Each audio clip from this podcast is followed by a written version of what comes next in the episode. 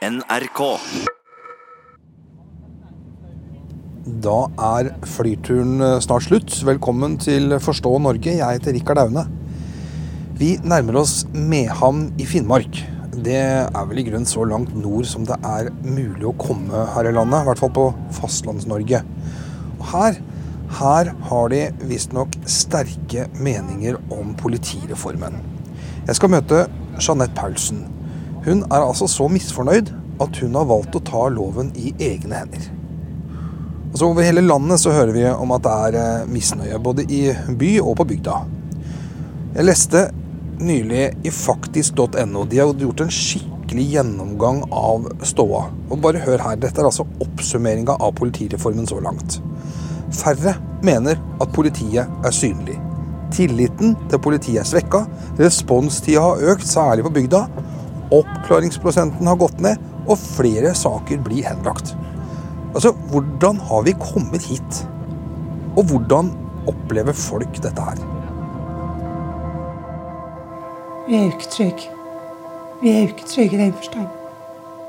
Aktor beklaga i rettssaken. Eller de beklaga for åpen rett da, at det tok så lang tid. Og jeg, for jeg, jeg fikk liksom aldri noen personlig unnskyldning. Hvis man skal tenke hva reformen lovet, da, at eh, politiet kommer når du trenger det, der har de vel, vil jeg nesten si, sviktet.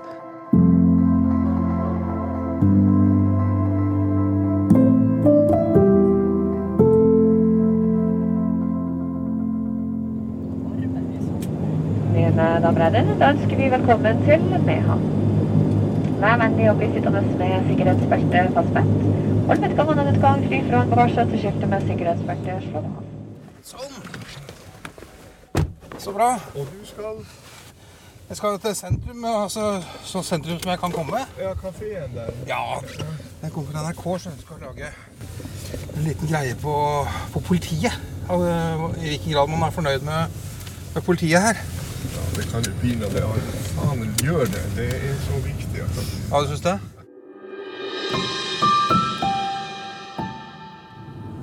Du står hjelpeløs. Ja, det, det er absolutt et behov at de er med her i bygda. Og akkurat nå, det er bare en halvtime siden, så var det bare et under at ikke vi ble, ble drept på deg også, en pasient. En kar som kommer uten skilt kjørende og, og bare tar en U-sving rett foran oss og holder på å smelle sida på oss. Og, og responderingstida til politiet det er nå langt over en halvtime i hvert fall. Så det, om det skjer noe, det får vi se. Ja, for Det tar da en halvtime før de kommer. Ja, ja minst. Men har det ikke alltid vært sånn, da? Den tida jeg har kjørt her, så har det vært eh, Må jeg komme fra Kjøllefjord. Og om vinteren så er det jo ofte at veien er stengt, og det er ikke så lett å komme seg over her. Det betyr at det har blitt verre i det siste? Ja, jeg syns jo det at det, det blir litt villere tilstander her enn det var da jeg kom hit. Men er det sånn at folk vet at, eh, at politiet ikke er i nærheten? Ja, det virker jo helt, helt klart sånn at, det, at de vet og de er klare når politiet er her. Og, og det, det er mange villvest.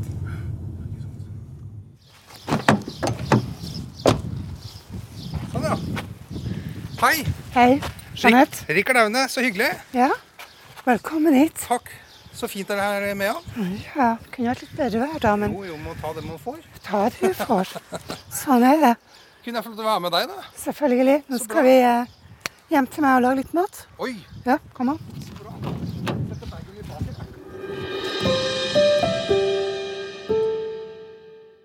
Det var ikke sånn når jeg var ung. Da kunne vi eh, ringe direkte på lensmannskontoret. Vi måtte ikke gå noe via noen sentral, som vi må i dag. Og når du kommer til en sentral, så får du beskjed at vi har ikke ressurser. Jeg ser fyllekjøring annenhver dag. Annenhver dag. Annenhver dag. Jeg, på de siste 14 dagene kunne jeg meldt inn fem. Men jeg bruker ikke, hvorfor skal jeg bruke min energi på det når de ikke gjør noe med det? Men hva gjør det med tryggheten til folk her, da? Vi er jo ikke trygge. Vi er jo ikke trygge i den forstand. Når det skal gå så himla lang tid. Men hva er forskjellen da for hvordan det var for noen år siden og hvordan det er nå? Før så vi politiet. Før hadde de kontroll. Før eh, de var blant oss. De hadde kontroll på husfestene. de var synlige i gata. Det er ikke så lenge siden du tok initiativ til et folkemøte. Hva var det? Det var jo fire-fem stykker som prata i lag. OK, nå fikk vi vite at politimesteren i Finnmark skulle komme hit. Nå må vi gjøre noe. En gang for alle. Nå må vi fortelle vår mening. Og det skal ikke være politikere. Det skal ikke være en offentlig person. Det skal være vanlige folk som sier, som forteller historiene sine. Og det gikk inn på dem, fikk vi beskjed om etterpå. Hva tenker du rundt de som på en måte har bestemt eh, både politireformen og, og hvordan politiet er blitt organisert nå? De kan ikke tenke på, på avstandene. Vi, vi, vi bor i Finnmark, vi bor i Mehamn, vi bor i en kystkommune. Eh, men vi er jo like mye verdt som dem som bor i Oslo. Når du da ønska å gjøre noe i forhold til råkjøringa, Ja, hva gjør du da? da skal du få med meg på noe gøy. Okay. Det første jeg gjør, er å hente føneren min. Fønen Den, på badet? ja, Aha. den syns jeg er ganske effektiv. Ok. Ja. Både til å føne over og Ja. sikte på folk. Så tror de at det er kontroll. Og så har jeg en gul vest som jeg tar på meg. Går jeg ut en tur. Nettopp. Ja, Dette må vi se hvordan det funker. ja. Må bare finne meg et par sko. Som du ser her, så, så er det ei fin skjelette å kjøre fort på. Gjennom boligfeltet. gjennom boligfeltet. Der bor det unger, Ja. der bor det unger, der oppe bor det unger, der bor det unger. Og så har du hovedveien her, som er 30-sone. Ja. Du står bak gjerdet der, ja. ja, så står jeg her. Og så, når det kommer biler da, Når jeg ser dem har stor fart, så hopper jeg opp og så sikter jeg på dem. hva gjør de da? De, som regel slakker de ned, men det er ikke alle. Og så noen blir sur og kaller meg litt sånn finnmarksting. Blir de sure? Ja, de blir sure. Hvorfor det? For at eh, de syns ikke det er en OK spøk. De trodde det var kontroll. Han kjørte på. Han kjørte fint. Han kjørte fint. Ikke noe grunn til å skremme han. Nei, det var ikke det. Kommer det et hotell med Se hvor fint de kjører. De har sett den gule vesten allerede.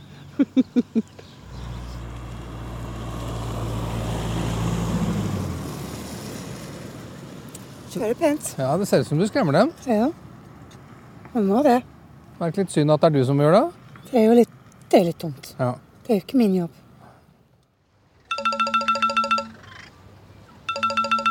Ja, det er Martin.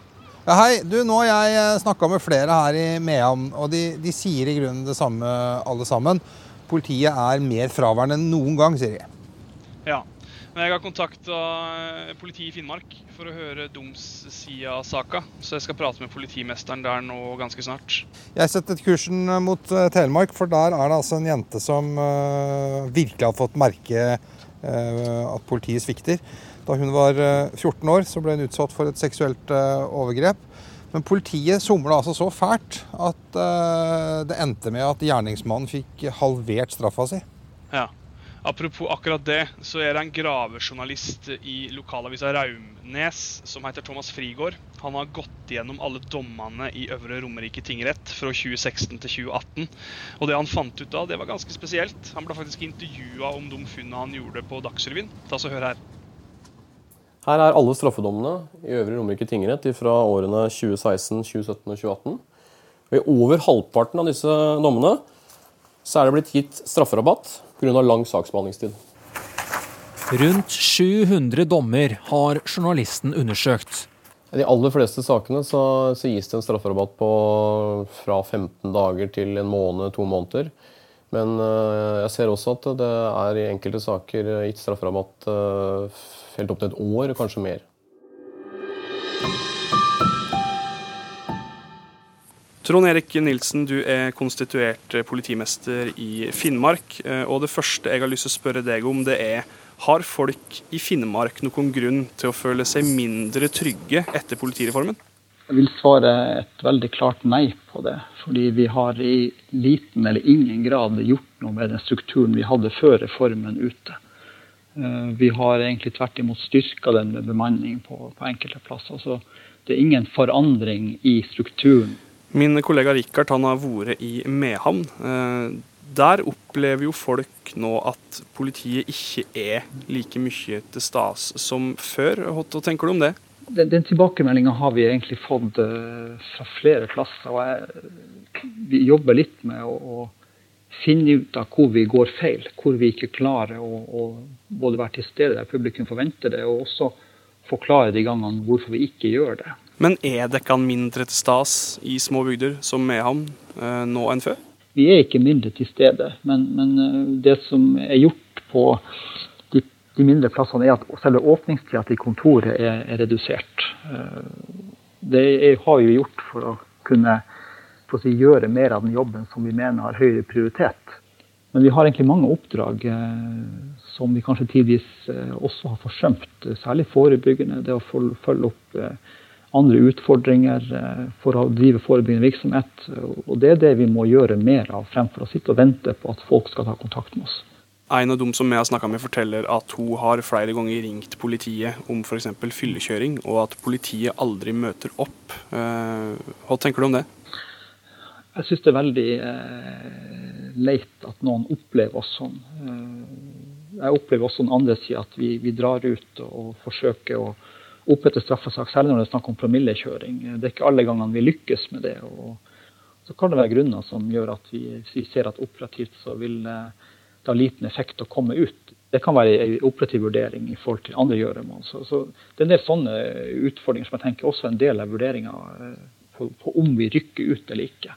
Eh, og Det er også i, i, i konkurranse med at vi får bruke mannskapene våre til å etterforske alvorlige straffbare forhold og som er en kriminalitet som man aldri vil eh, fange opp eh, hvis man er ute og kjører der, eller for så vidt snakker med lokalsamfunnet.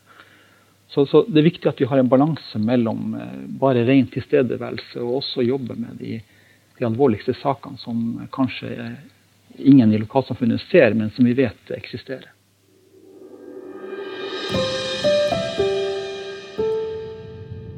Da nærmer jeg meg huset til den nå 17 år gamle jenta i Telemark. Av hensyn til henne så lar jeg være å nevne navnet hennes. Men den saken her kom jeg over ved at jeg leste en dom nylig. For når hun var 14 år, så ble hun utsatt for et seksuelt overgrep av en mann hun kjente. Hun gikk til politiet, men etter det så gikk alt forferdelig tregt. To og et halvt år gikk det. To og et halvt år før mannen ble domfelt. Og som ikke det var nok, så ble straffen halvert pga. politiets somling. I dommen så står det at eh, politiet lot saken ligge urørt på en pult på politikammeret i 16 måneder. Jeg skal møte henne hjemme.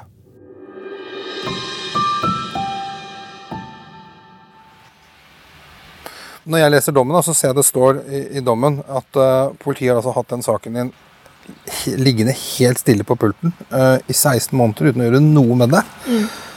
Når du hørte det, hva tenkte du da? Uh, jeg ble ganske provosert av det. Fordi at det var en ganske lang tid, god tid, som de kunne ha brukt på å gjort noe mer produktivt med saken. Så syns jeg jeg kunne ha fått beskjed også om at de la den litt på is.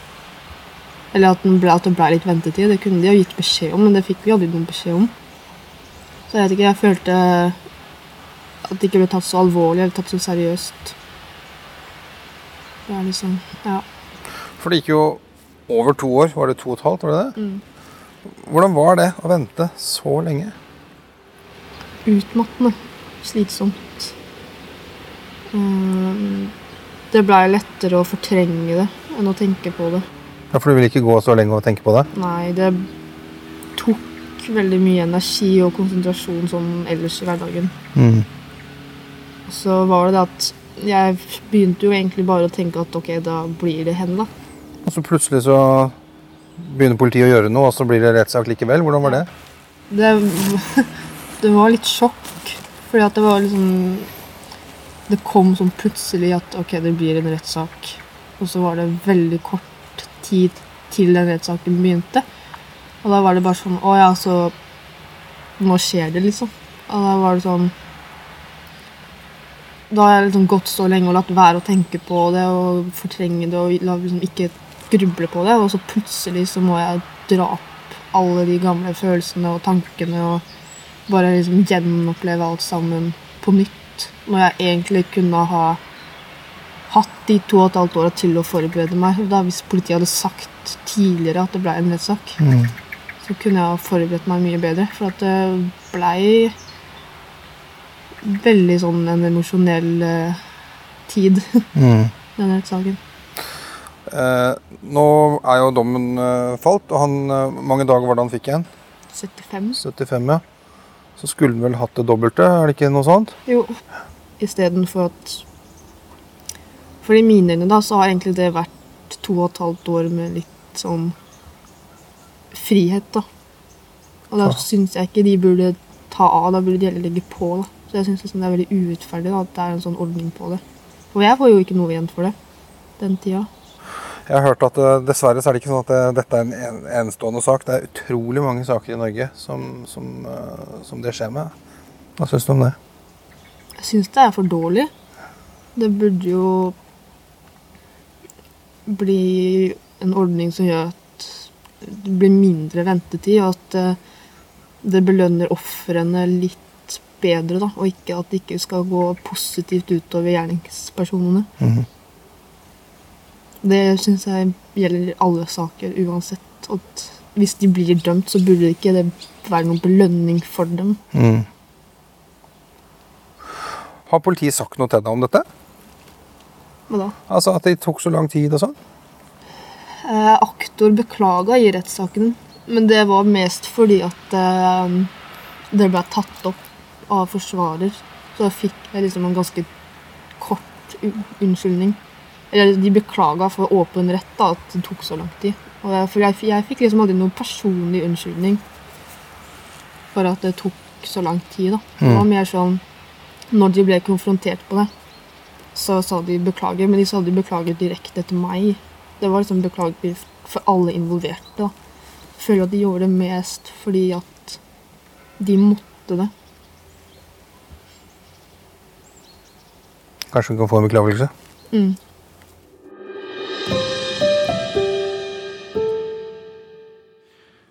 Da kan vi jo bare gå i gang. Eh, Kristin Thea Vatne, du er forskningsleder ved Arbeidsforskningsinstituttet ved Oslo OsloMet, og har forska på nærpolitireformen, noe som resulterte i en rapport om politiets relasjoner til befolkninga. Og nærpolitireformen har jo vært utsatt for mye kritikk fra, fra flere hold. Eh, og det første jeg da vil spørre deg om, det er hvor dårlig stelt er det egentlig med, med politireformen?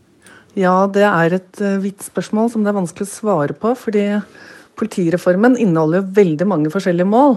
Noen uh, går den ene veien, og noen går den andre veien. Det spriker jo som bare det. Man skal få et uh, lokalt forankret politi som er til stede for publikum på den ene siden, og på den andre siden skal man få et sånn slagkraftig politi som tar tak i de store utfordringene, alvorlig kriminaliteten. Sånn at hvis man skal svare på det, så Eh, kan man si at eh, politireformen leverer på noe av det. F.eks. ser det ut som at man har gjort mye på den siden som handler om beredskap og være mer robust, spesialisere seg mer.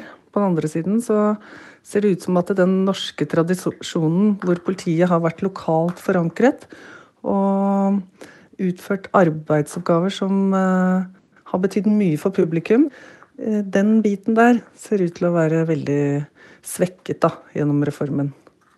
I en oversikt fra faktisk.no, som har gjort en faktasjekk av politireformen, så, så oppsummerer de reformen med, med noen punkter. Eh, og Da står det bl.a. at eh, færre folk syns at politiet er synlig i nærmiljøet. Og i flere politidistrikt så har folka mindre tillit til politiet nå enn før. Oppklaringsprosenten den har gått ned i flere politidistrikt. Politiet henlegger flere saker nå enn før, og responstida har gått opp. Eh, Hva er det som, hva er det som har skjedd her? Ja, det har jo vært en enorm sentralisering i politiet, hvor man har lagt ned lensmannskontoret og slått sammen politidistrikter. Sånn at uh, Politiet blir kanskje litt mer sånn ansiktsløse når de reiser rundt og skal betjene et publikum som de kanskje ikke har noen relasjon til. Det blir en sånn sentralisering og en sterkere styring som gjør at uh, politiet Det er meninga at det skal bli mer likt, eller mer enhetlig politi. men konsekvensene kan se ut som at det blir egentlig ganske forskjellig, fordi de som bor i distriktene, de eh, vil jo ikke få like ser det ut som da, like god tjeneste, fordi det er veldig langt for politiet å dra. da. Eh, F.eks. når de får henvendelser gjennom operasjonssentralen. Og reiseveien blir for lang for, for de små oppdragene. Ja, for det er jo eh, der responstida har gått opp. Det er jo spesielt i områder der det bor lite folk. Har det blitt en sånn stor forskjell her i by og land, på en måte? Jeg vet ikke egentlig sånn uh, hvor stor den forskjellen er blitt, men uh, den ser ut til å, å bli ganske stor gjennom de intervjuene og tilbakemeldingene vi har fått. Men sånn systematisk hvor stor den blir i hvilke distrikter, det er egentlig litt vanskelig å si. Men det er ikke urimelig at den blir ganske stor over tid. Både med tanke på at man skal fokusere på alvorlig kriminalitet, Eh, og at det blir store geografiske avstander. Da skal det litt til for å reise langt, og særlig med tanke på at man i tillegg har begrensede patruljer ute, fordi en del av patruljeressursene må allokeres til andre typer oppgaver, som kan se ut som de brenner mer. da. Men hvis politiet ikke har tid til å reise ut på sånne ting og vise seg blant publikum, hva er det de bruker tida si på da? Ja, det er noe som heter politiarbeid på stedet, som er eh, noe som man startet med lenge før reformen. Men det betyr at man starter opp etterforskningsarbeidet allerede da. Eh, men det er type arbeid som kan være veldig kvalitativt bedre enn før. Den krever også mye mer ressurser. Så sånn det er en del av det kvalitative positive i reformen som trekker eh, patruljene bort fra publikum. Det er jo varsla nå at eh, politiet skal få mer penger. Eh, tror du det vil hjelpe dem med å løse dette oppdraget ut mot folk på en bedre måte?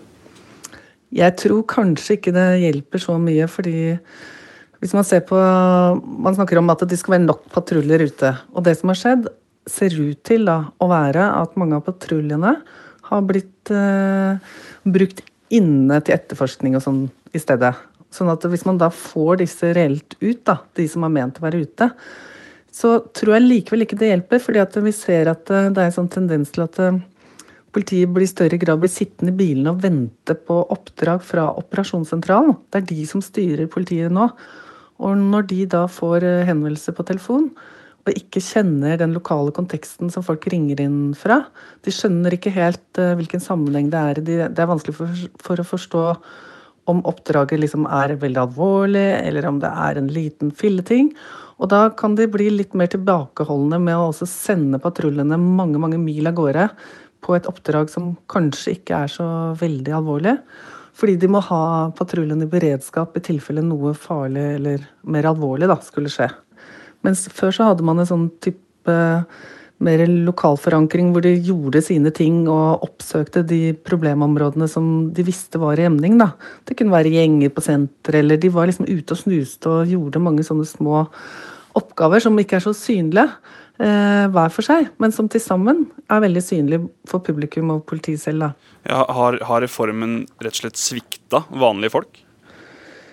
Eh, hvis man skal tenke hva reformen lovet, da, Ehm, så kan man vel si at eh, den delen av politirollen som man er vant til, eh, som handler mye om å etablere sosial tillit i samfunnet, at eh, politiet kommer når du trenger det, der har de vel, vil jeg nesten si, sviktet. Hva kan en gjøre da for å øke den tilliten igjen, tenker du?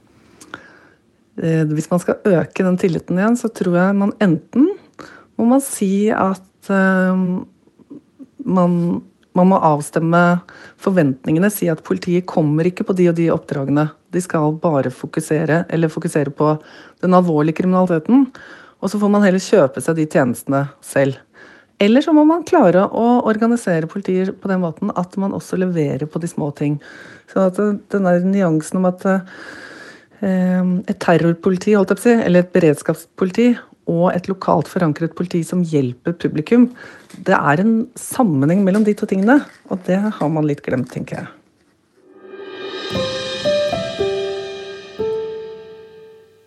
Det var her på politistasjonen i Skien den overgrepssaken lå uberørt på en pult i 16 måneder. Nå skal jeg møte Kjell Johan eh, Abrahamsen, som er sjef for alle politijuristene i Sør-Øst. Det skal bli spennende å høre hans tanker om hvorfor så mye har gått gærent. Og så er jeg spent på om 17-åringen fra Telemark får en skikkelig unnskyldning. Jeg, jeg, jeg registrerer jo at reformen er i hardt vær. Men reformen eh, For det første så har den kommet for å bli. Men man må heller ikke glemme at reformen Altså, reformen sånn som den kom, måtte komme.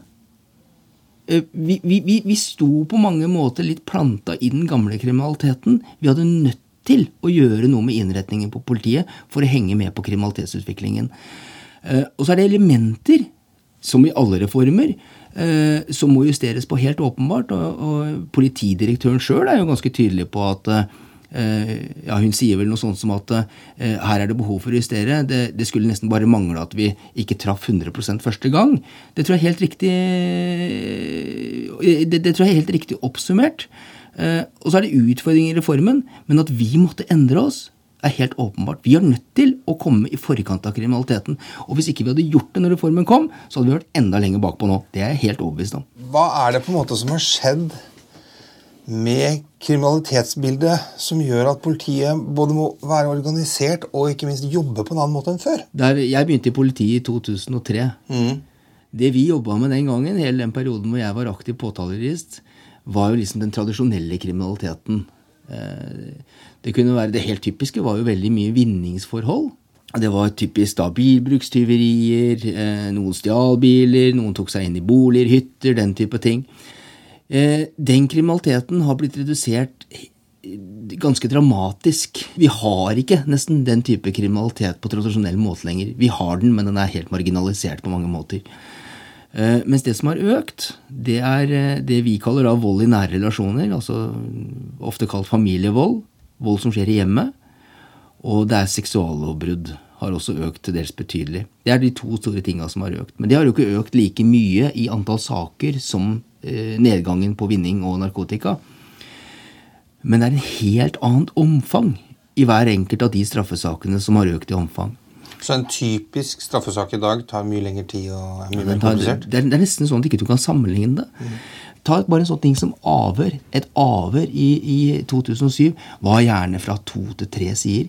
I 2017 så var det fra, ja, fra 16 til 35 sider. Men er avhørene lenger? Er etterforskninga mer grundig? Langt mer grundig. Du kan nesten ikke sammenligne det. Men Hva hadde skjedd da hvis vi hadde gjenåpna alle nedlagte lensmannskontorer, eh, satt inn gamle politimestere både her og der?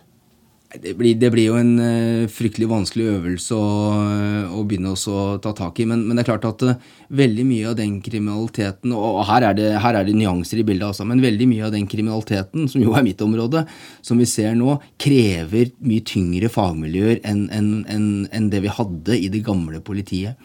I dag så er det sånn, for å ta et konkret eksempel Du kan sitte på et gutterom, en kjeller f.eks. i Hallingdalen eller eh, Numedalen eller hvor det skal være, og bestille overgrep av barn et helt annet sted i verden.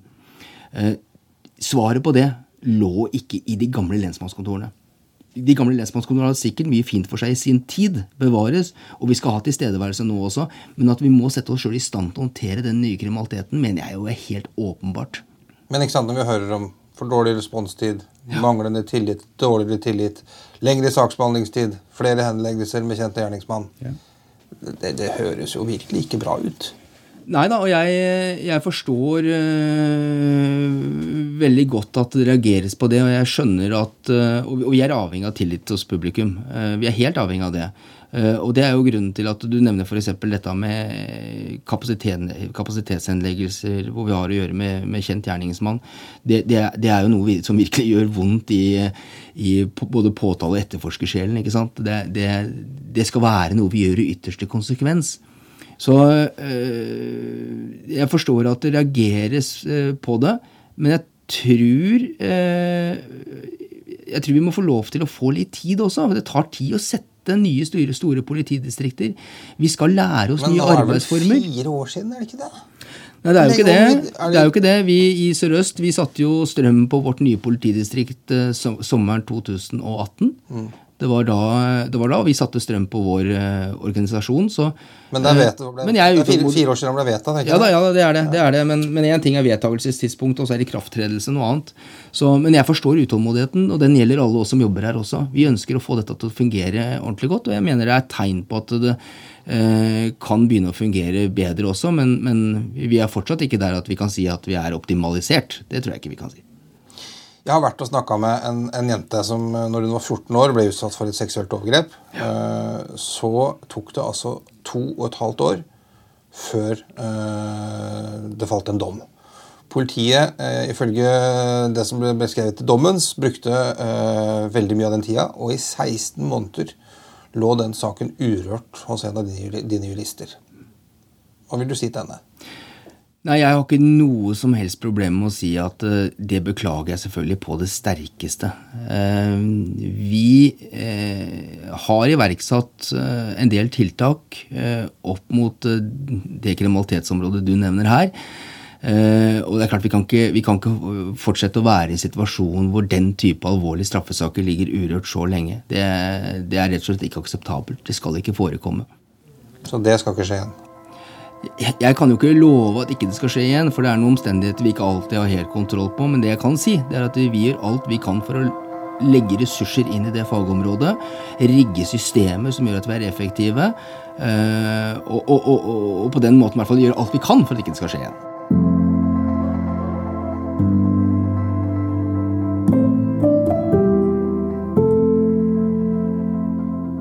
Forstå Norge blir laga av meg, Rikard Aune. Og meg, Martin Torstveit. Vi kommer med en ny podkast hver onsdag. Du finner oss i spilleren til NRK Radio og på alle andre plattformer det er naturlig å lytte til podkast. Og har du forslag til steder vi kan reise, eller folk vi kan møte, så tar du kontakt med oss på Twitter. Bare tagg tweeten din med emneknaggen NRK forstå, altså hashtag NRK forstå, små bokstaver. Vi høres.